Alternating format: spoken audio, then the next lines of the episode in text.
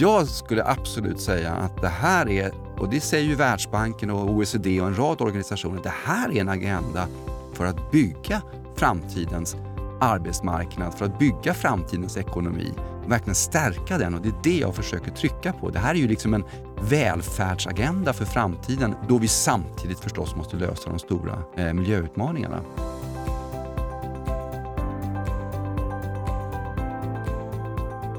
Välkommen till eh, säsongsavslutningen av Konkurrenskraft. Podden där vi pratar om framtidens beslutsfattande, verksamhetsstyrning och ledarskap. Jag som pratar heter som vanligt Robin Askelöv och är CMO, eller marknadschef som det också heter, på Hypegen som ger ut den här podden. Och eh, Hypegene Hypegen det är ett techbolag där vi brinner för just beslutsstöd och verksamhetsstyrning. I de här samtalen vill vi ju som sagt testa nya vinklar på hur vi som beslutsfattare kan bli bättre rustade inför framtiden. Det gör vi genom att träffa intressanta människor med spännande erfarenheter och perspektiv. Ett eh, ämne som alltid är aktuellt när man pratar om framtiden är klimatet, klimatomställningen och förstås hur det påverkar företag och ledare. Därför är jag jätteglad att kunna hälsa dagens gäst välkommen, för det är ingen mindre än Johan Kylenstierna som är ordförande i Klimatpolitiska rådet, adjungerad professor och hedersdoktor vid Stockholms universitet och nog allmänt vedertaget eh, en av Sveriges mest ledande klimatexperter. Varmt välkommen säger jag till dig Johan. Hur står det till? Tack, det är jättebra. Kul att, eh, att ha dig här. Detsamma. Apropå eh, klimatet, vi sitter ju här en, eh, en måndag morgon efter en vår där värmen minst sagt kommit och gått. Det slås rekord, eh, både uppåt och neråt i temperaturen. Nu senast läste jag i morse här att eh, Spanien har tydligen sin varmaste maj under det här århundradet. Det svänger snabbt just nu. Vad, vad tänker du om det? Ja, alltså jag är ju den här klassiskt tråkiga typen då. Att svängningar, det, det har vi ju haft förr. Det viktigaste är egentligen att se trender och mm. just det här med rekord. Eh, och det är klart att det kan vi ju konstatera. Dels att eh, årets temperatur har startat, fortsatt vara hög. 2021, mm. en av de varmaste åren, de senaste sju åren. De varmaste sedan vi startade mätningarna. Så att trenden är väldigt, väldigt tydlig. Sen att vi har mycket variabilitet, att det går upp och mm. ner, mm. det är ju också en del av det naturliga klimatet. Men det är just det här med extremer och trender som är viktiga. Mm. Och där är det ju väldigt otvetydigt eh, hur vi påverkar klimatet. Mm, ja, men verkligen, och det, det märks i, i vardagen verkligen. Du, du har ju en, eh, en spännande bakgrund. Mm. Eh, du har jobbat med internationella miljö och klimatfrågor i snart 30 år. Ja, till och med eh, lite över 30 år. Är det över 30 år ja. till och med? Ja, 91 typ. började jag arbeta efter studierna. Just det. Ja. Fast jag var doktorand och jobbade på universitetet i många år. Men det är 30, 31 år. 31 år, tiden mm. går. Eh, du började din karriär som polarforskare. Men sen har du arbetat många år i FN-systemet. Du har haft ledande befattningar inom flera organisationer, bland annat som chef för Stockholm Environment Institute. Du har utsetts till Sveriges miljömäktigaste person av tidningen Miljöaktuellt. Eh, du var sommarvärd i P1 för några år sedan. Mm. Det kommer vi tillbaka till. Eh, av alla saker du gör, vad, vad tar mest av din tid? Hur ser liksom en, en vanlig vardag ut för dig? Ja, idag, idag är det lite speciellt därför att som du nämnde har jag ju då två stora uppdrag, bland annat på Stockholms universitet som rektorsråd för hållbar utveckling mm. och ordförandeskapet i Klimatpolitiska rådet. Men sen är jag också ledamot i fem styrelser. Okay. Så det tar väldigt mycket tid också. Allt från bolag, alltså ett bolag som Sveaskog till exempel, som ju mm. tar mycket tid. En mm. intressant verksamhet, bransch när det gäller klimat och hållbarhet. Mm. Men också till exempel i Världsnaturfonden, Göteborgs universitet, Mistra. Så att jag har flera styrelseuppdrag och de tar mycket tid också. Eh, och sen har jag ett sista ben där jag föreläser och det tar också väldigt mycket tid. Jag är ute och föreläser runt om i Sverige. Mest för företag ska jag säga idag, mest i näringslivet. Mm. Eh, och sen har jag mitt uppdrag på TV4 också som där jag har ett, ett inslag en gång i månaden som heter Klimatkollen. Så att idag har jag en väldigt bred agenda med väldigt många olika typer av uppdrag, men alla hänger ihop någonstans. Mycket handlar just om klimat, klimatomställning och hur samhället ska kunna röra sig i en riktning mot fossilfrihet. Och det här med ledarskap är en jätteviktig fråga inte minst. Mm. Vi kommer komma in på, på flera av de här delarna. Vi, vi, har, vi pratade om det innan, eh, innan vi satte igång här. Eh, det är stora frågor vi ska, vi ska ägna oss åt idag. Ja, verkligen. Eh, och det kommer handla om allt ifrån just ledarskap, det kommer handla om din roll i Klimatpolitiska rådet och mycket, mycket mer. Men Innan vi drar igång, vi har några inledande frågor. Du har mm. fått värma upp rösten lite, vi ska göra det lite till. Eh, några snabba, snabba frågor och, och snabba svar. Eh, och du nämnde redan, du har mycket som du gör på, på dagarna. Men när har du som roligast på jobbet? Det är blandningen. Det är det mm. som är roligast. Alltså att man får verkligen jobba med så många olika perspektiv.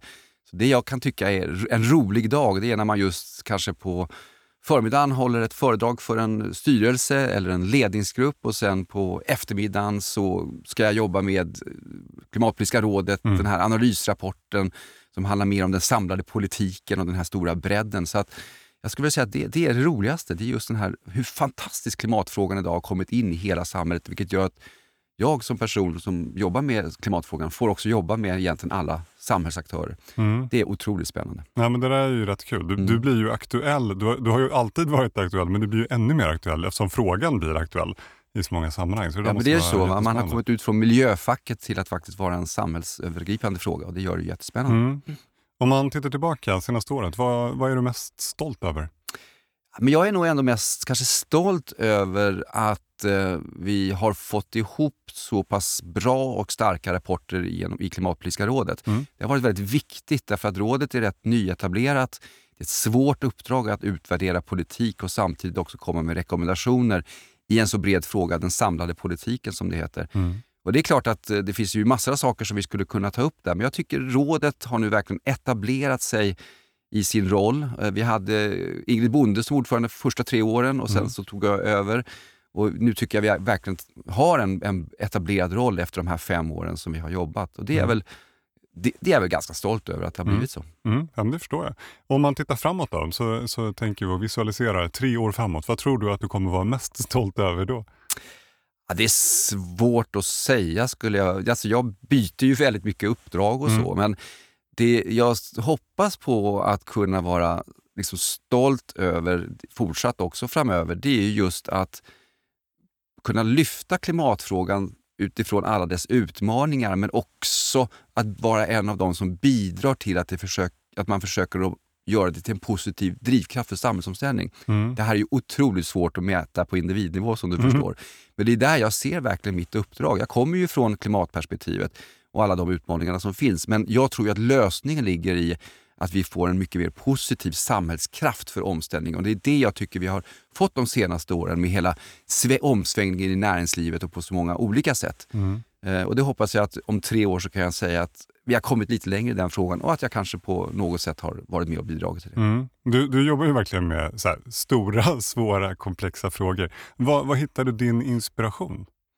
Ja, men inspirationen hittar jag ju någonstans i min passion för frågorna som sådana. Jag har ju min naturvetenskapliga utbildning bakom mig i geologi och geovetenskap. Jag har arbetat med klimatfrågan i 30 år. Mm. Jag drivs på något sätt av denna liksom fantastiska, det kan låta lite flummigt, men denna fantastiska planet som vi bor på mm. som mänsklighet.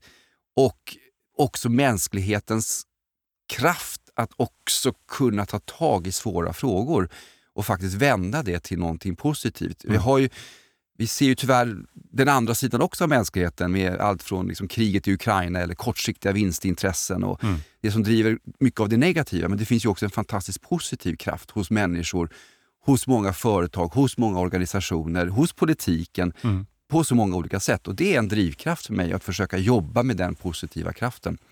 Eh, och det, det, stimulerar mig helt enkelt när jag får träffa så många fantastiska människor som på olika sätt jobbar med frågorna. Allt ifrån liksom långt ner i verksamheten till förstås högt upp, mm. höga politiker och företagsledare. Mm. Du eh, Johan Kuylenstierna, du, du sitter alltså som ordförande i Klimatpolitiska rådet.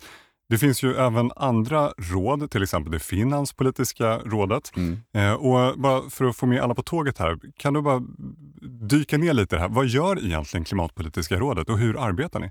Ja, alltså, vi är en del av det klimatpolitiska ramverket som riksdagen beslutade om 2017. Så sju av åtta riksdagspartier står bakom det ramverket där man satte målen. Sverige ska vara netto noll, ha netto nollutsläpp till 2045 mm. Och vi ska minska utsläppen i transportsektorn med 70% till 2030. Så det är väldigt mm. ambitiöst. Det är lagen som säger att regeringen varje år ska lämna en redovisning över vad de har gjort när det gäller klimatarbetet och nå målen. Mm. Och var fjärde år så ska man lämna en klimatpolitisk handlingsplan där man berättar vad man ska göra kommande fyra år.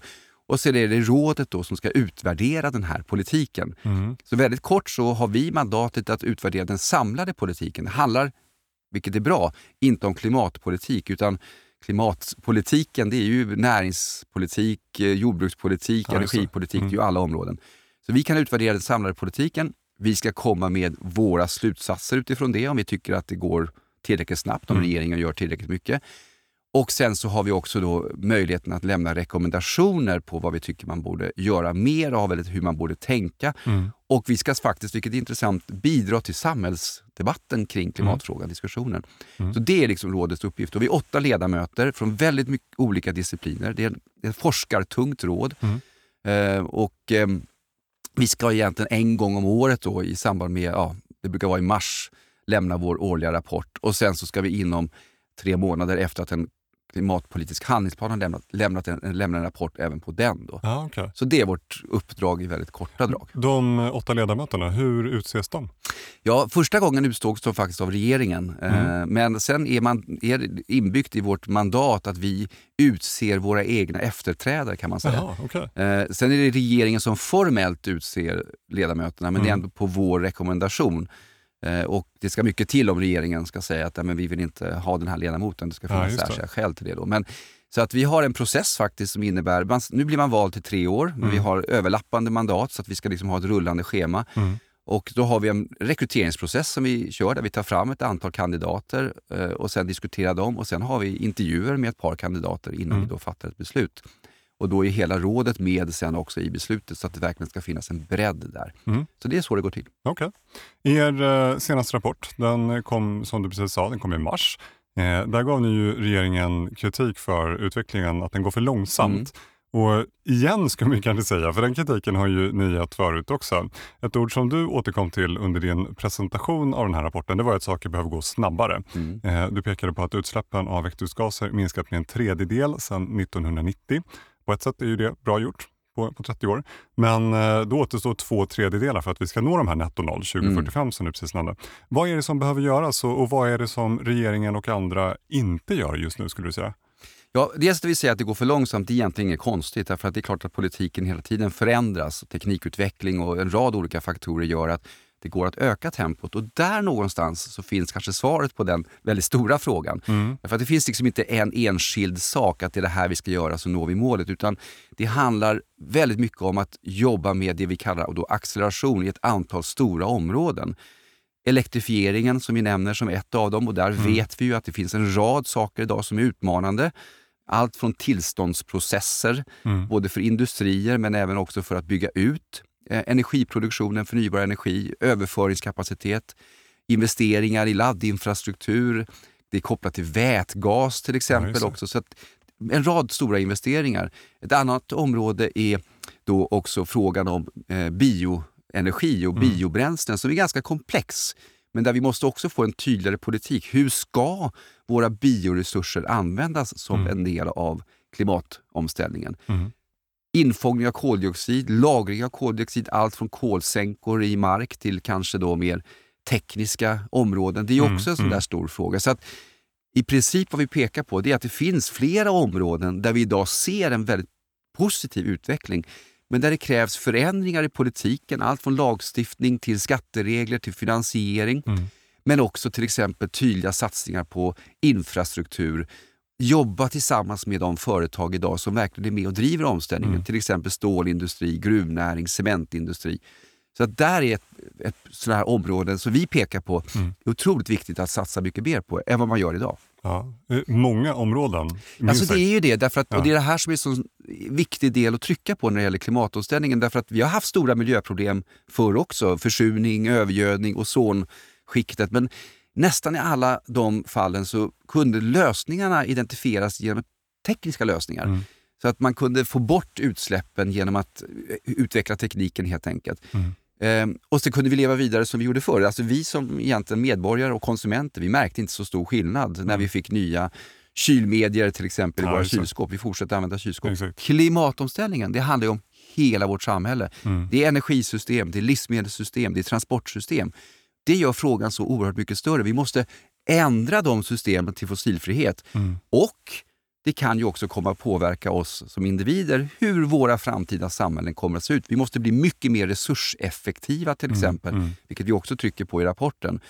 Eh, energieffektiva. Och det, här kom, och det här är ju intressant för näringslivet därför att det är där man plötsligt börjar tänka, vad, hur ser framtidens affärsmodeller ut? Ja. Vi går från individuellt ägande bilar till kanske egentligen bara samägande mm. när det gäller till exempel bilar, transportsystem, men det kan ju gälla en rad andra varor. Så att mm. Nya affärsmöjligheter, nya affärsidéer som också uppstår i detta. Mm. Det gör ju att det blir en otroligt spännande fråga. Det här. Ja, verkligen, vi, vi, kommer verkligen komma tillbaka till de delarna, för där öppnas det ju, precis som du säger, det öppnas ju massor med möjligheter där. Men sen Sen är vi ju hela tiden en del av en omvärld. Mm. Eh, vi kan göra en del saker själva, vi kan fatta en del beslut själva. Men sen har vi ju sådana här saker som krig som händer. Absolut. Eh, och Eh, i presentationen så tryckte du ju på just uh, kriget i Ukraina och konsekvenserna mm. uh, från, från, det. Kan du berätta mer om de konsekvenserna? Vilka, vilka risker ser du där? Ja, alltså det finns ju flera konsekvenser förstås. Alltså det här med att vi påminns om igen vår strategiska beroende av fossila bränslen. Mm. Kanske mindre i Sverige då, men om vi tittar i ett europeiskt och globalt perspektiv. Det, det gör ju kriget, det påminner oss igen ska jag säga. Mm. Vi hade den här påminnelsen tydligt på 70-talet också med oljekrisen. Ett antal länder som sitter på den här strategiska resursen och som kan använda den för att som utpressning helt enkelt. Mm. Och, då, det var ju då Sverige beslutade sig för att satsa mycket på kärnkraft och, ja, och även på, på fjärrvärme och komma bort från det här med oljeberoendet. Eh, så det är tydligt med den här konflikten, att vi sitter där igen. Ryssland är gigant när det gäller energi. Mm. Alltså, de är världens största vad det gäller gas och gasreserver. Mm. Mycket olja. Så att det, det, är väldigt tydligt med det här beroendet. Och Den typen av konflikter den påminner oss om det förstås. Mm. Och Det här tror jag på många sätt då kan snabba på omställningen. Det kan vi redan se idag, alltså hur Tyskland och Frankrike, många länder i Europa överhuvudtaget nu verkligen trycker på att vi måste bort från kol, olja och gas. Mm.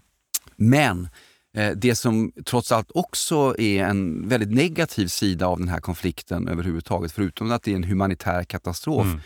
det är ju att det globala klimatarbetet kräver också globalt samarbete. Mm. Och Det är klart att en sån här konflikt kan ju möjligen leda till att vi får starkare samarbete mellan delar av världen, men det ökar ju också risken för att vi får en polarisering och en fragmentisering mm. egentligen mm. mellan olika länder. Och Det är naturligtvis allvarligt framöver. Därför mm. att klimatomställningen kräver ju att hela världen är med på, på den resan. Och Det inkluderar ju också länder som Ryssland och inte minst Kina till mm. exempel. och andra mm. länder. Så att Det är svårbedömt, men, mm. men det är klart att eh, när det gäller Europas energiomställning så tror jag att den här konflikten snarare kommer att öka tempot framöver än att det minskar tempot. intressant. Tillbaka till Sverige. Annika Strandhäll, eh, klimat och miljöminister, hon tog ju emot rapporten mm. som ni lämnade i mars. Hon höll ju intressant nog med om i stort sett allt ja. i, eh, i de slutsatserna ni hade. Tittar man tillbaka på, på tidigare rapporter känns det som att ni tyckt och tänkt samma sak eh, om regeringens arbete varje år när en ny rapport kommer. Kan det kännas lite hopplöst eller upplever du att politiken faktiskt tar emot och sen också förhåller sig till det arbetet ni, ni gör? Nej, men jag tycker det och jag håller med dig. Eh, miljöministern, miljö och klimatministern nu var kanske ovanligt positiv. Eh, jag med tidigare ministrar har också tagit emot den tycker jag med ett positivt sinnelag. Mm. Men hon var ju väldigt tydlig med att hon tyckte att våra, våra rekommendationer var väldigt viktiga och hon kunde själv eh, se att det, vi pekade på olika svagheter som finns i det nuvarande systemet. Mm. En viktig rekommendation vi hade handlar om det här med just ledarskapet, statens mm. ledarskap över alla sina myndigheter till exempel. Det. Ska det vara den samlade politiken så måste det genomsyra hela verksamheten. Och där lever vi fortfarande kvar ganska mycket i stuprör. Det är liksom en miljöfråga, det är miljödepartementet, det är de myndigheter som jobbar på något sätt med miljöfrågan, mm, mm. oavsett mm. om det är Energimyndigheten och så vidare. Men vi menar att det här är en mycket större fråga. Det inbegriper också sociala frågor, mm, arbetsmarknadsfrågor, mm. ekonomiska frågor, infrastrukturfrågor och så vidare. Men ja, alltså generellt så tycker vi nog i rådet att visst, man kan vara kritisk och tycka att man måste göra mycket mer. Men regeringen har faktiskt i varje års redovisning sen förhållit sig till våra rekommendationer. Mm. Och redovisar hur de resonerar kring dem. I vissa fall har de genomfört dem. Mm. Eh, I andra fall så är det klart att det blir då till utredningar och man tittar vidare på frågor. Och I vissa fall så tycker de då att nej men den här rekommendationen kanske vi inte håller med om eller vi har inte liksom genomfört den. Så att, mm. Men de har svarat på alla rekommendationer. Mm. Och Det upplever jag som, som väldigt positivt. Och Jag tycker ju inte att arbetet står still på något sätt. Mm. Och Jag ska vara tydlig med att jag har respekt för politikens komplexitet. Mm. Därför att det är lätt när man liksom driver en fråga väldigt hårt att det är den frågan man ser. Men återigen, klimatfrågan och hela samhällsomställningen den påverkar ju människor på väldigt många olika sätt och mm. politiken mm. måste ju förhålla sig till hur det här påverkas. Precis som en företagsledare måste förhålla sig till hur påverkar det här lönsamhet eller Mm. konkurrenskraft? Och det, här, det här är viktigt att vara medveten om och det är väldigt viktigt för oss när vi funderar på just rekommendationer och vägar framåt. Hur kan man väga ihop olika perspektiv så det faktiskt blir så att den här klimatomställningen som vi kallar den, samhällsomställningen till fossilfrihet, är någonting som snarare stärker våra samhällen och skapar ett bättre samhälle. Inte bara från ett miljöperspektiv utan också från ett kanske ekonomiskt och ett socialt och ett samhällsperspektiv. Mm. Så där har vi liksom ett gemensamt ansvar att försöka sätta oss in i politikens verk verklighet precis som vi har ett ansvar att sätta oss in i näringslivets verksamhet Mm. eller liksom verklighet och en företagsledares verklighet. Mm, ja, men det, det är ju ett komplext eh, system Så är det. eh, och man måste nog ha respekt för eh, hur mycket man kan pusha på olika områden för någonstans är det en helhet som måste gå, gå framåt. Ja men det är ju så. Jag menar, vi kan ju se nu när vi har plötsligt fått väldigt höga energipriser. Det skapar ju oro i samhället, vilket jag har respekt för. Mm. Alltså, det är ju många människor som drabbas hårt förstås. Och när, när liksom drivmedelspriser och annat går upp väldigt mycket. Och den, den där typen av diskussion måste vi kunna ha. Därför att om vi, om vi trycker för hårt på ett felaktigt sätt och det skapas ett motstånd och det skapar en känsla av orättvisa, då är Mm. risken att arbetet går mycket långsammare framöver. Så att ibland måste man ha respekt för att det man, man liksom måste röra sig i, i steg helt enkelt och Mm. verkligen säkra att man får med sig människor och samhället. Över till, eh, till dig och dina, dina tankar och ditt arbete utanför rådet. Mm. Jag lyssnade på ditt eh, sommarprat Mm. i eh, P1 som gick 2017. Och eh, något som jag tyckte var tydligt här det är ju hur du föredrar att lyfta möjligheter eh, och en positiv syn på människans förmåga snarare än tvärtom. Och med, med risk för att det blir en jättestor fråga. Men, men hur skulle du beskriva din, din grundsyn på, på miljöns framtid? Och kommer vi människor att lyckas med, med det här enorma arbetet att någonstans undvika den här utvecklingen mot stupet? Ja, men det kommer vi göra. eh, Inte utan att vi fortfarande kommer att se väldigt stora konsekvenser, vilket vi redan har. Jag menar, vi har ju haft en enormt eh, påverkan på den här planeten Mm. sen, vi blev framförallt då jordbrukare för 8-10 000 år sedan och liksom började expandera markanvändning. Och sen förstås befolkningsexplosionen som, som inleddes för på riktigt kan man säga de senaste 200-250 Mm. år sedan. Resursanvändningen, konsumtionen. Så att vi har ju en enorm påverkan på den här planeten. Så frågan är ju liksom, den är ganska komplex återigen. Som Mm. du säger, kommer vi klara oss från att trilla över ett stup och liksom mer eller mindre gå under som mänsklighet? Ja, det tror jag. Men kommer det innebära väldigt stora utmaningar på vägen? Absolut. Mm. Så länge vi, vi är 8 och kanske 10 miljarder människor och har den här typen av resursförbrukning och verkligen inte kanske får ett helt annat sätt att tänka kring naturresurser så kommer det finnas stora, stora utmaningar. Men min grundläggande filosofi är ju ändå någonstans att eh, liksom, vi människor eh, på det stora hela vill ju skapa en bättre, ett bättre samhälle och en Mm. bättre framtid. Och Det är den kraften som jag själv drivs av att jobba med, Mm. än att hela tiden fokusera på allt det som är negativt. Men det betyder inte att jag inte är medveten om alla utmaningar förstås. Mm. Men jag, jag resonerar bara, vad tror jag personligen är det snabbaste sättet att jobba framåt? Och Då tror jag till exempel att det är lättare att, eller bättre att jobba med näringslivet, med företag, Mm. än att liksom stå utanför och bara kritisera. Sen tror jag kritiken behövs också, Mm, så att vi mm. spelar olika roller. Men så drivs jag och jag är absolut övertygad om att vi som mänsklighet kan klara av de här utmaningarna. Mm. Eh, Men det är inte så att det kommer att ske per automatik och Mm. det kommer att finnas stora utmaningar på vägen. Mm. Och vi har tyvärr, det som jag faktiskt är orolig för inte minst, det är ju att vi fortfarande har såna extrema orättvisor i världen. För det Mm. tror jag är liksom grogrunden för väldigt många av de konflikter som finns. Det är en enorm orättvisa mellan, mellan länder och mellan människor. Det tror jag är väldigt, väldigt negativt. Mm. Och där kan jag ibland se en större oro kanske än, än vår förmåga att kunna hantera en del av de stora miljöproblemen. Mm. Ja, men återigen tillbaka till att alla frågorna hänger ju ihop. Ja, de gör ju det. Och jag tycker ditt perspektiv är intressant där. Alltså att, att jobba med snarare än emot. Eh, för det är ju trots allt det som krävs, att man, man guidar både, både människor och, och företag och politiken framåt snarare än Absolut. att, att bara är där och Nej, och jag ska säga, opposition. jag tror liksom alla delar behövs. Ja. Att, att jag jobbar på det sättet, det är ingen kritik mot eh, till exempel klimatrörelsen som då är kanske väldigt också. kritisk. Mm. Den behövs också. Vi behöver granskning, vi behöver liksom kritisk granskning, vi behöver människor som verkligen trycker på och som pekar på, på greenwash och alla orättvisor och den typen av frågor. Men jag har valt i det här väldigt stora pusslet att Mm. försöka ha just numera då rollen att försöka förändra, kanske lite mer inifrån kan man säga. Mm. Genom att vara aktiv i till exempel styrelser. Och, Ja, just det. Just det. För, för att ta ner till någonting väldigt konkret. I, I det här sommarpratet så eh, exemplifierar du med att en av de mest effektiva sakerna vi kan göra i vardagen, alltså vi som människor ja. eh, i vår vardag, för att motverka klimatförändringar, det är ju att sluta kasta mat. Mm. Eh, och du nämner att 30-40% av Mm. all mat som produceras i världen slängs. Ja, eller förstörs. förstörs. Ja. Mm. Och, alltså, för det första så är det här en, en, helt galen Mm. eh, siffra. Är, är det här något som har blivit värre eller har det varit så här under lång tid? Alltså jag tror att det egentligen alltid varit så. Därför att, men det är det att nu är vi 8 miljarder människor, vi har liksom en helt Mm. annan volym på allt. Det är ju det som är utmaningarna idag. Mm. Är man, är man liksom ett, en liten befolkningsgrupp på en stor planet så är effekterna mindre. Nu är vi en stor mängd människor på vad egentligen då är en ganska liten planet. Mm. Och då blir ju effekterna väldigt stora när vi har den här typen av ineffektivitet. Så att, alltså det stora problemet historiskt har ju varit att mat förstörs antingen på grund av klimat, eller vad heter det, naturkatastrofer, alltså Mm, du får mm. torka, översvämning. Ja. Eller efter när man lagrar, jag menar Sveriges historia, varför började vi med salt och varför började, alltså, Lagra mat har ju alltid varit en utmaning och väldigt Mm, mycket mat mm. har förstörts historiskt. Så är det ju. Mm.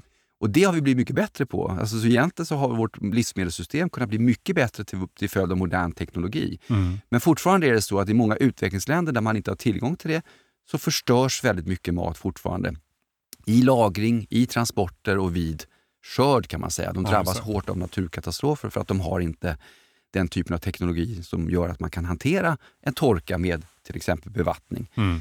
I vår del av världen så är mycket av matsvinnet kopplat till oss som konsumenter. Mm. Det vill säga vi, vi har liksom för mycket mat. Det slängs på grund av överskott, det slängs på grund av att vi köper för mycket. Vi förvarar det dåligt, vi använder inte rester, vi luktar inte, vi har det här bäst före som Mhm. tror att då ska man slänga det direkt efter. Och där finns det liksom mycket mer kopplat till oss konsumenter. Mm. Och egentligen så är det ju så att i alla de här delarna så finns det massor av lösningar. Varför jag lyfter den, det är därför att det här är ju en sån här konkret fråga. Jag får ju Mm. ofta, men kan du konkretisera det? Jag bara pratar system. Kan du konkretisera? Det här är en perfekt sån fråga därför att det är också någonting du kan göra så ofta. Tre gånger om dagen kan Mm. du liksom bidra. Mm. Och maten är kopplad till klimat, det är kopplat till vattenfrågor, det är kopplat till biodiversitet, det är kopplat till markfrågor, det är kopplat till transporter. Så matfrågan är en- liksom en sån här central fråga för hela det här systemperspektivet som jag ofta Mm. pratar om. Och där vi faktiskt som individer också kan spela en väldigt stor roll. Ja, just det. Och det, det där var ju egentligen min följdfråga som du nog svarade på indirekt. Här. För om man då tänker sig att man skulle halvera den här siffran, vad, vad konsekvenserna skulle bli. Men det är som du säger, det, det går ju tillbaka hela vägen till, till transportfrågor och annat som har en, Hela en värdekedjan. Alltså det finns ju ingen markanvändning i, i världen som är större och det är ju i och för sig kopplat också mycket till att vi idag har en väldigt stor eh, djurproduktion Just det. också. Så att vi, vi påverkar verkligen hela vår planet till följd av vår matproduktion. Mm. Och kan man bli mer effektiv i den, både vad gäller svinn från konsumenter, vad gäller att säkra att den mat vi producerar förvaras och kan transporteras på ett säkert sätt, stärka jordbrukets resiliens och motståndskraft mot naturkatastrofer, framförallt då utvecklingsländer, Mm. och öka effektiviteten, alltså hur mycket man kan ta ut från den mark man har. Mm. Hela den kedjan skulle kunna få väldigt stor påverkan på väldigt många av de miljöproblem som vi ser idag i- Mm. i världen. Ja, jätteintressant. Och eh, bara apropå det här med, med systemfrågan och ansvar. Eh, jag läste en artikel med en rapport som visar att den rikaste procenten Mm. i världen släpper ut dubbelt så mycket koldioxid som den fattigaste hälften Mm. av jordens befolkning. Eh, och jag vet att du var ju med i den artikeln och, uttalade dig. Va, va, vad är dina reflektioner kring de här siffrorna? Ja, men det här visar ju just på den här problematiken kring hur det här med orättvisan i världen eh, och det faktum att eh, vi, vi, man pratar ju väldigt mycket om att man måste lyfta människor ur fattigdom, vilket jag tycker är extremt viktigt. Jag menar, mycket Mm. av de utsläpp vi ser i Kina idag, eller ökande i Indien, det är ju för att de naturligtvis vill lyfta sin befolkning till en dräglig livsnivå som är i linje med vad vi är vana vid i västvärlden och tycker på något sätt är självklart. Mm.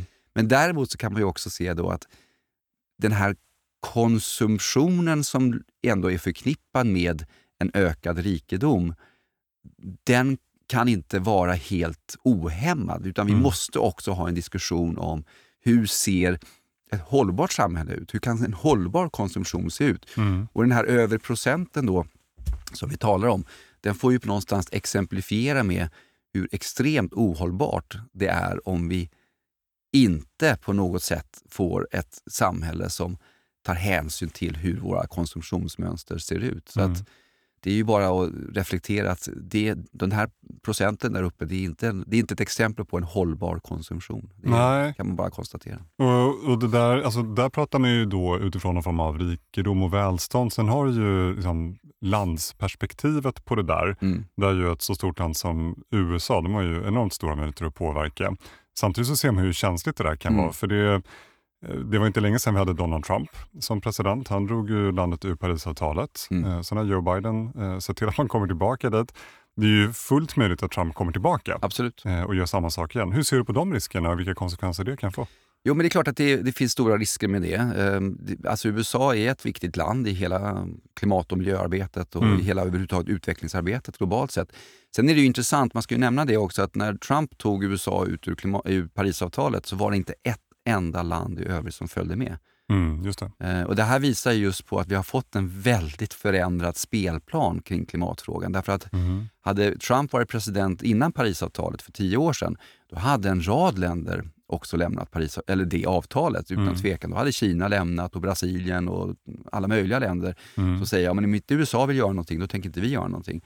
Det där är oerhört intressant att liksom notera. Men man ska ju också komma ihåg att Trump, han, han, fick ju, han blev ju också delvis president på att han byggde på många människors frustration kring omställningen. Han kunde projicera det på omställningen. Det är ju inte omställningens fel att kolgruvorna lägger ner i USA. Det är ju Nej. ekonomin som driver det. Men han kunde liksom projicera den här frustrationen att det handlade om på något sätt eh, den här klimatomställningen och så fick, man, fick han röster på det. Mm. Så att jag tycker, alltså det är klart att Donald Trump som president är inte bra från ett globalt perspektiv. Men det viktiga där bakom är att om han blir vald så är det ju också en, ett uttryck för en mycket större frustration som finns i samhället. Och det är där jag är tillbaka till den här ursprungliga frågan varför det är så viktigt att vi istället försöker fokusera på vad den här omställningen, utvecklingen till fossilfrihet, faktiskt kan generera för positiva förändringar för väldigt många människor i olika länder. Och USA är ju, är ju verkligen en case, a case in point därför att visst, kolgruvor stänger och många människor tappar sina arbeten där. Det ska man ha respekt för, att Mm. de känner frustration. Mm. Samtidigt skapas hundratusentals nya jobb i den nya ekonomin. Så väldigt mycket av den här utvecklingen och omställningen det är ju en strukturomvandling av vår ekonomi och vårt samhälle. Mm. Och det är ju där ofta politiken kan spela en ganska viktig roll för att mildra den strukturomvandlingen. Vi har ju haft sådana i Sverige förr, vi har, och i många länder. Varvsindustrin försvann och teko, alltså textilindustrin och så vidare. Så att där måste ju liksom politik och näringsliv jobba tillsammans. Och där kommer ju alla samhällssystem, de sociala systemen, att man har en väl fungerande eh, fördelningspolitik. Den typen av frågor kommer in. Och de är, den, tyvärr, den typen av politik är ju ganska svag i USA. Mm. Eh, Och det, det skapar då den här typen av risker för konflikter. Så det är därför jag är tillbaka till att klimatomställningen är liksom ingen miljöfråga idag utan det är en samhällsutvecklingsfråga, en samhällsomställningsfråga och det är så Mm. den måste behandlas. Det, det leder ju vidare till eh, något vi pratade om tidigare, det här med möjligheter och affärsmöjligheter. Eh, utvecklingen går ju verkligen mot att det finns allt starkare kommersiella intressen i, i att lösa klimatfrågan och, och inte minst också lösa energiförsörjningen, för det blir ju en väldigt viktig del i det här. Mm. Och Det finns ju massor med exempel. Solceller, eh, det funkar ju i princip i pris exponentiellt eh, för att den marknaden utvecklas så starkt. Batterilagring, eh, Mm. det har ju blivit en, en helt egen industri. Det pratas om småskalig kärnkraft, fossilfritt stål. Eh, och, och mitt i det här finns ju flera svenska bolag. Det är ju Mm. alltifrån Northvolt, eh, Hybrid, Blykalla eh, och många fler. Hur ser du på, på den utvecklingen som pågår där och, och, och Sveriges roll och svenska Mm. företags roll i det där?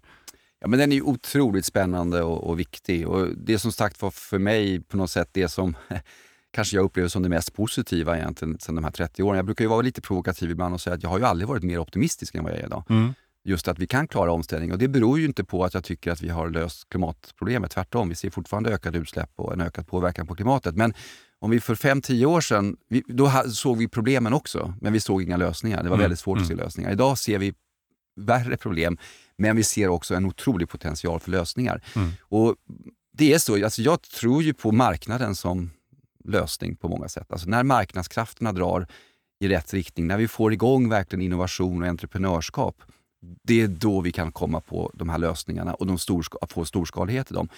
Med det sagt, politiken är jätteviktig fortfarande. Mm. Så att utan tvekan så är jag väldigt positiv och ser väldigt positivt på de här, eh, på de här möjligheterna. Fantastiskt med Sveriges ledarskap där och svenskt näringslivs ledarskap på många sätt. Som vi har haft länge. Mm. Alltså, svenskt näringsliv har ju alltid kunnat, trots tuffa miljöregler och andra saker, vara väldigt globalt konkurrenskraftiga. Mm. Och det är där vi gör vår största nytta. Det är det här som gör att jag blir lite frustrerad ibland när man säger att oh, men varför ska Sverige göra så mycket? Det är mycket bättre att vi lägger pengarna någon annanstans. Nej, för 17. Investera pengar i Sverige för att just bygga upp ett, ett fantastiskt konkurrenskraftigt näringsliv som kan tillhandahålla lösningar för de globala problemen. Så Mm. att vi bidrar till att minska utsläppen mycket mer globalt genom vårt näringsliv än vad vi gör bara genom att titta på Sverige. Mm. Det tycker jag är otroligt positivt. Men bara som sagt var, det är inte så att bara för att vi får de här fossilfria energisystemen så är alla problem lösta.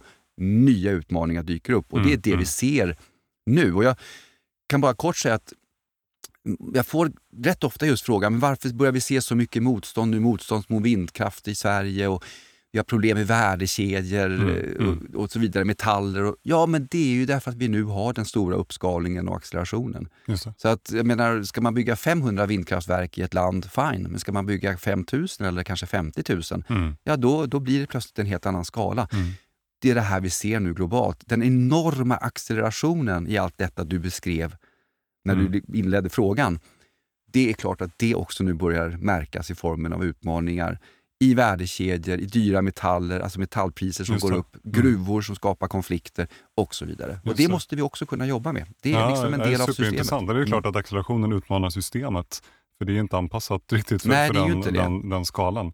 Det, och det här får ju massor med konsekvenser förstås. Du nämnde själv tidigare eh, arbetsmarknaden. Mm.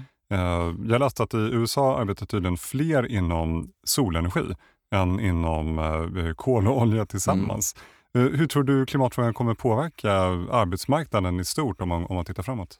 Enormt positivt. Ja. Därför att återigen, och det är ju det som har gjort här, liksom, poletten trillade ner för näringslivet i samband med Paris. För att jag menar, innan dess så ska man ju inte sticka under stol med att näringslivet var ju ganska tveksamma till mycket av det här som de Mm. kallar klimatpolitik. Mm. De såg försämrad konkurrenskraft, dyrt, dyra energisystem. Men någonstans där runt 2015, vi hade ju bland annat på Stockholm Environment Institute en, ett en rapportarbete tillsammans med en rad globala organisationer som handlar om den nya klimatekonomin. Mm. Eh, Och det var ett sätt, vi jobbar med OECD och Världsbanken och alla möjliga, det var ett sätt att just vända på perspektivet. Och när plötsligt, jag menar näringsliv är ju smarta på det sättet, företagsledare och näringsliv, de ser ju möjligheter om de bara liksom kanske ibland tar bort skygglappar. Så det Mm. är klart när de plötsligt såg, men vänta här, nu ska hela världen ställa om liksom transport, energisystem och så vidare. Mm. Det är ju förstås enorma investeringar, otroligt mycket innovation som behövs där, Mm, mm. jättemycket möjligheter. Så att jag skulle absolut säga att det här är, och det säger ju Världsbanken och OECD och en rad organisationer, det här är en agenda för att bygga framtidens arbetsmarknad, för att bygga framtidens ekonomi och verkligen stärka den. Och Det är det jag försöker trycka på. Det här Mm. är ju liksom en välfärdsagenda för framtiden då vi samtidigt förstås måste lösa de stora eh, miljöutmaningarna. Mm. Och det, det, och jag menar, det här kan vi ju se, just apropå det du säger, nästan den fråga som kommer högst upp nu när man frågar företag vad de ser som de största utmaningarna. Det är bristen på arbetskraft. Just Det är bristen på kompetens. Ja. Vi behöver massor av kompetens från sådana som kan installera laddinfrastruktur till Mm. de som ska kunna planera de nya energisystemen. Så Mm. det är ju liksom hela raddan där. Mm. Och mängden arbetskraft som behövs. Vi ska bygga gigantiska, de här konstgjorda öarna nu för vindkraft Ja, utanför, det. i Nordsjön. Du kan ju förstå vad det här är för skala. Så att det, det, är ju inte, det kommer ju inte vara så att vi kommer att tappa massor av arbeten som inte kommer ersättas med någonting annat. För det är ganska få som jobbar i fossilindustrin egentligen. Mm. Utan, och det är samma sak med bilindustrin. Problemet är ju att du ska gå från en drivlina som bygger då på fossilt till el och då, det är en annan kompetens.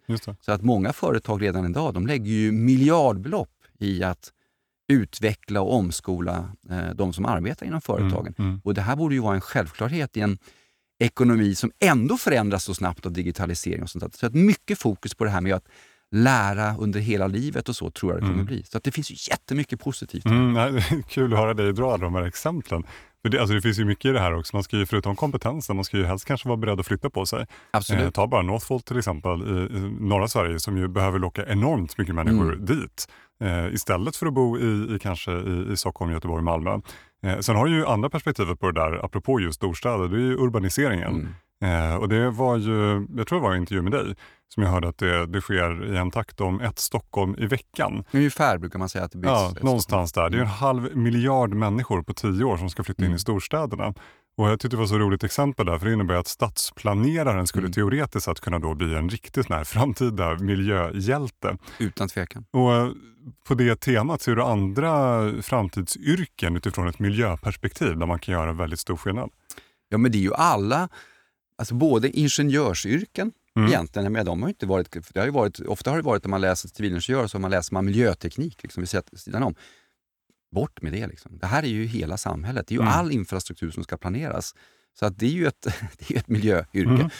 Alla som går på Handelshögskolan, alltså Mm. alla som ska bli framtidens affärsutvecklare och jobba med företagsledning, som ska, de är superviktiga.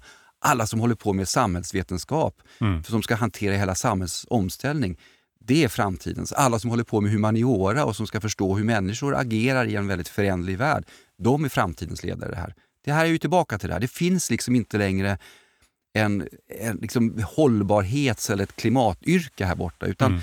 det här genomsyrar hela samhället och inställningen. Och Vad jag menar då, det är ju då att de här framtidens ingenjörer, de måste ju tänka i den här omställningen. När vi nu planerar de här systemen som jag ska bygga här Mm. kring vad det nu kan vara, energi eller vatten eller transporter eller stadsutveckling. Hur gör jag det på ett sätt så att man verkligen får in resurseffektivitet? Det. Cirkularitet, liksom nollförbrukning.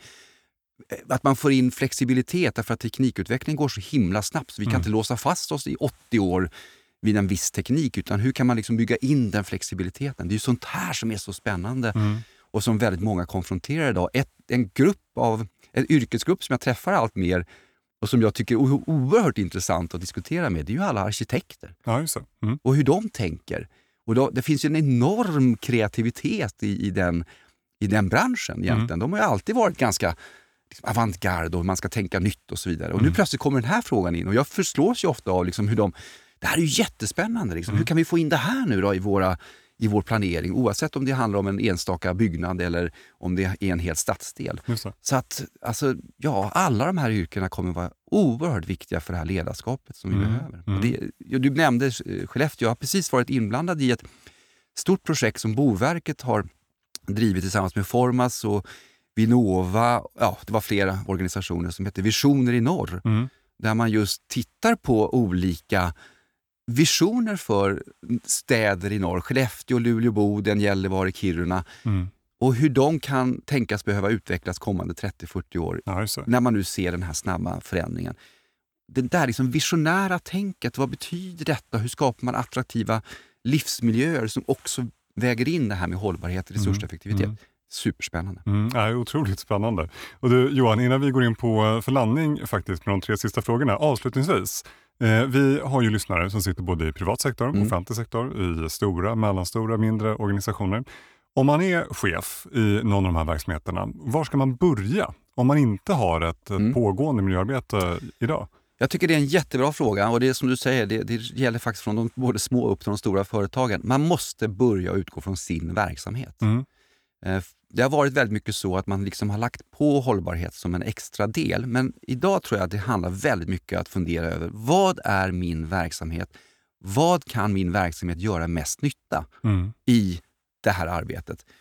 Eh, Bort ifrån liksom att jag ska göra något utöver separat. Det kan vara viktigt också, liksom ett engagemang, det säger jag inte. Men i grunden så ska man på något sätt utgå ifrån sin verksamhet. Hur, min, hur ser min påverkan ut Mm. på systemet?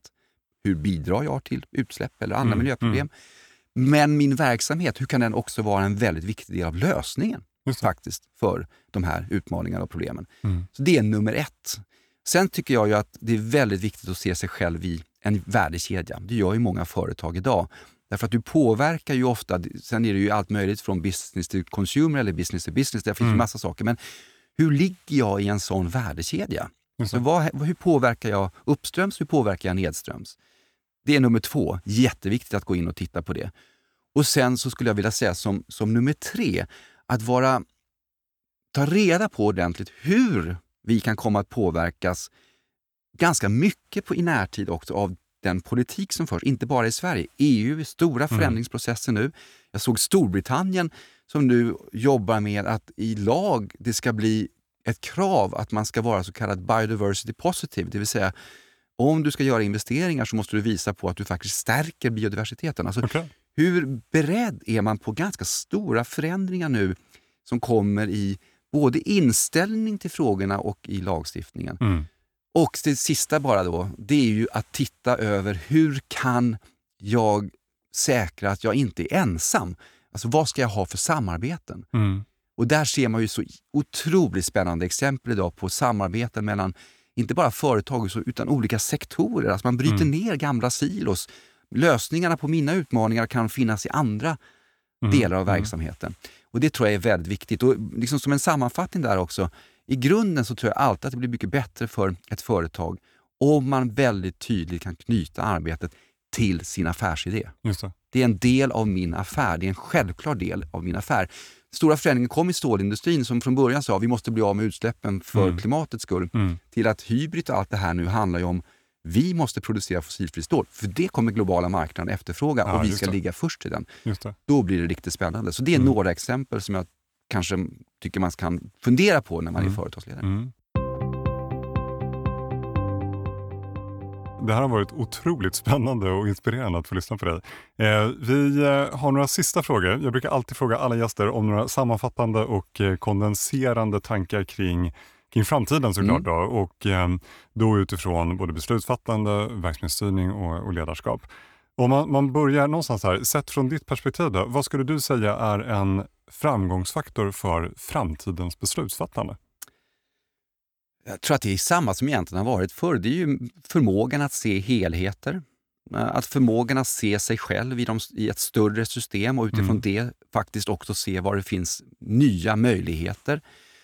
Jag tror att det handlar också idag väldigt mycket om att ha en mycket tydlig vision om var man står. Jag, jag fascineras ju av det när jag nu pratar med många företagsledare, även i tunga industrier som verkligen säger det här bottnar idag i, i min inställning till mm, frågan. Mm. Jag inser att det här är någonting jag som företagsledare och vi som företag måste lyckas med när det gäller till exempel att klimatomställningen. Det. det. tror jag kommer vara väldigt viktigt, att det finns ett, ett, ett, högre syfte faktiskt någonstans än att bara, om man nu säger citationstecken, driva ett framgångsrikt företag. Att man är faktiskt en del av att utveckla ett samhälle. Mm. Det tror jag kommer vara jätteviktigt för framtidens ledare. Men sen så är det ju det som naturligtvis alltid har varit en faktor. Att inte liksom bli ensam, utan du måste ju också ha förmågan att få hela din organisation att känna att de är en del av den här resan. Alltså. Och Det tycker jag man ser i allt fler företag verkligen. Så de anställdas kraft i det här, inte bara då att trycka på men också känna att man verkligen är en del av en väldigt positiv omvandling och resa. Att det finns den här positiva kraften mm, mm. i det man gör. Det tror jag kommer vara väldigt viktigt framöver. Mm. Ja, jätteintressant. Du kommer tillbaka mycket till det här med, med systemperspektivet och se sig själv som en del i systemet. Eh, jätteintressant att se det också ut, utifrån beslutsfattande. Ja, också att verkligen fatta hur kopplar jag det till min affär. Det är ja, ju alltid ja, det som är exakt, det centrala. Mm. Eh, verksamhetsstyrning, eh, då utifrån hur man planerar, följer upp, styr eh, sin verksamhet. Eh, nyckeln till till framtidens verksamhetsstyrning? Vad har du för tankar där? Ja, det där är ju inte kanske mitt starkaste område. Det finns så många som är duktiga på verksamhetsstyrning och planering. Men jag menar rent generellt så tyckte jag du sammanfattade ganska bra i frågan. Det är ju, det är ju klassisk planering. Man måste lägga upp tydliga långsiktiga mål. Det tror mm, jag absolut mm. man måste göra. Och så måste man fundera på när man har lagt de målen, vad betyder det för alla våra system? Affärssystem, alla system i ett företag. Och där tror jag ibland, det, det, är ju där det ofta brustit så att säga. Man har haft egna hållbarhetsindikatorer och så har man liksom kopplat det till något sorts hållbarhetsuppföljningssystem. Det. Mm. det. här är affärsutveckling. Det här mm. är liksom hela företagets eller organisationens utveckling. Så att, otroligt viktigt tror jag att nu att man tar det steget att inse att om vi nu sätter, vilket många företag gör, science-based targets. Vi ska ha netto nollutsläpp till 2030 mm. mm. eller 2040, vad det än må vara. Precis som AB Sverige. Ja, då måste det ju påverka hela vår verksamhet. Det måste få liksom samma tyngd kan man säga som ekonomi och så vidare. Och Det ska kopplas också till liksom konkurrenskraft, mm, mm. ekonomi, mm. affärsutveckling. Det tror jag är superviktigt. Men sen också som, som du var inne på, ja, men olika sätt att kunna mäta och följa upp det här. Mm. Sen det är bara en sista där. Det, det som är utmanande lite grann i det här, det är ju att många av de här målen behöver vara ganska långsiktiga och ibland är affärsplanering lite kortsiktig. Man måste hitta ett sätt att liksom kunna gifta ihop de här två ganska besvärliga tidsperspektiven. Mm, eh, mm. Det är ju samma problematik för ett land som det kan vara för ett företag mm. när man sätter långsiktiga mål. Men många företag är vana vid det. Mm, Investeringscykler och sådana saker är är ju ofta ganska långsiktiga. Mm. Så att det, det är väldigt, väldigt viktigt eh, utan tvekan. Men sen att man har en tydlig uppföljning och bygger in flexibilitet, ska jag säga. Mm. Därför att det är så otroligt snabb utveckling. Digitalisering, mm. teknikutveckling, även en mental utveckling i samhället som förändrar våra värderingar. Så att jag tror som företag där så måste man vara beredd att ompröva mm. en hel del av mm. de mål man sätter och vägar framåt. Och framförallt vara beredd på att öka ambitionerna. Vad vi tyckte var tillräckligt för två, tre år sedan mm. är ju idag mer en hygienfaktor och så ska man ligga långt fram så måste man vara mycket mer proaktiv. Mm. Så där tror jag också att det är viktigt att det är hela tiden en levande diskussion man mm. har. Faktiskt. Ja, jätteintressant. Eh, sista frågan, mm. nyckeln till framtidens ledarskap. Du touchade den lite när du pratade beslutsfattande, men om, men om man isolerar den, ledarskapet i framtiden? Ja, alltså det är ju lite grann som du säger, jag tog upp det tidigare, men jag tror att nyckeln till framtidens ledarskap handlar väldigt mycket om att kunna eh, tänka i ett bredare systemperspektiv. Mm. Alltså vi, vi bygger idag ett, eh, jag menar, till, också med hjälp av digitalisering och sådana saker så jobbar vi på ett helt annat sätt i system. Vi jobbar inte liksom i våra silos i företag. Mm. Jag jobbar med stålindustri, eller jag jobbar med skog, eller jag jobbar med transport, eller jag jobbar med detta. Utan det handlar väldigt mycket om att kunna se de här helheterna och mm. se möjligheterna med att kunna koppla ihop olika perspektiv. Mm. Jag tror att det kommer vara väldigt avgörande. Det andra som sagt var, det är ju det här med att vara jag, vet, jag kommer inte på det svenska ordet tyvärr, det är därför jag sitter och tvekar hela tiden. så purpose driven. Mm, mm. Eh, utan att förstås bara bli visionär och liksom sväva iväg, men att någonstans att, att en, en ledare ska ju ändå uppfattas som att personen i fråga leder företaget eller organisationen. Men jag tror att man måste också, framförallt i, i större företag och organisationer, sätta sig själv i ett större sammanhang. Mm. För det är faktiskt det som håller på att hända i samhället nu. Vi har en väldigt snabb förändring av vårt samhälle på grund av klimatmiljö, på grund av digitalisering, på grund av en rad olika saker. Och Det där tror jag är viktigt att kunna positionera sig i den och vara tydlig med vad man, hur man vill bidra med det. Och sen det sista tror jag fortfarande är att den här förmågan att hur man kan verkligen få med hela sin organisation. Just och just det här med att inse att nu måste man investera väldigt mycket i människor. Mm. Därför att annars så kommer vi få en problematik med att vi har väldigt många människor i företag som kanske inte då har rätt kompetens för att kunna möta det här nya. Och där tycker jag ju att ledare har ett väldigt stort ansvar att kunna se hur vi kan investera mm. i människor mm. på ett sätt så att man verkligen kan bidra och jobba med de här frågorna under hela sitt arbetsliv. Det tror mm. jag kommer vara jätteviktigt framöver. Det är ju att vara effektiv med humanresurserna också. Just det, just det. Du eh, Johan, det här, det här var fantastiskt intressant. Jättekul att du ville komma hit och dela med dig. Tack, det var jätteintressant samtal med dig. Tack. Ja, kul. Och eh, alla ni som lyssnar, jag brukar alltid försöka tipsa om bra läsning också. Eftersom vi idag har pratat om stora frågor som kräver stora beslut så, så tänkte jag tipsa om boken The Art of Alignment av Patty Beach. Mm. Det är en eh, bok som tar upp nycklar till att få med sig alla andra när nya idéer, projekt och strategier ska omsättas i praktiken. Alltså den här lite nätta frågan med att få alla att enas om det som ska göras eller för den delen komma tillbaka på spåret om man kör i diket. Så det är spännande läsning som kommer. Och eh, jag lägger ut titeln i avsnittets beskrivning. Sen tycker jag som vanligt att du ska gå in på Hypegen.se. Där hittar du allt ifrån white papers och rapporter till webinars och föreläsningar. Allt kretsar kring beslutsstöd och verksamhetsstyrning som ju är det som vi och vår produkt handlar om. Och eh, slutligen som sagt, glöm inte att prenumerera eh, för det kommer som alltid massor med spännande gäster framöver. Och med det så rundar vi faktiskt av den här säsongen och eh, säger på återhörande. Återigen, tack till dig Johan och eh, tack till dig som har lyssnat och ha en riktigt, riktigt bra dag. Tack.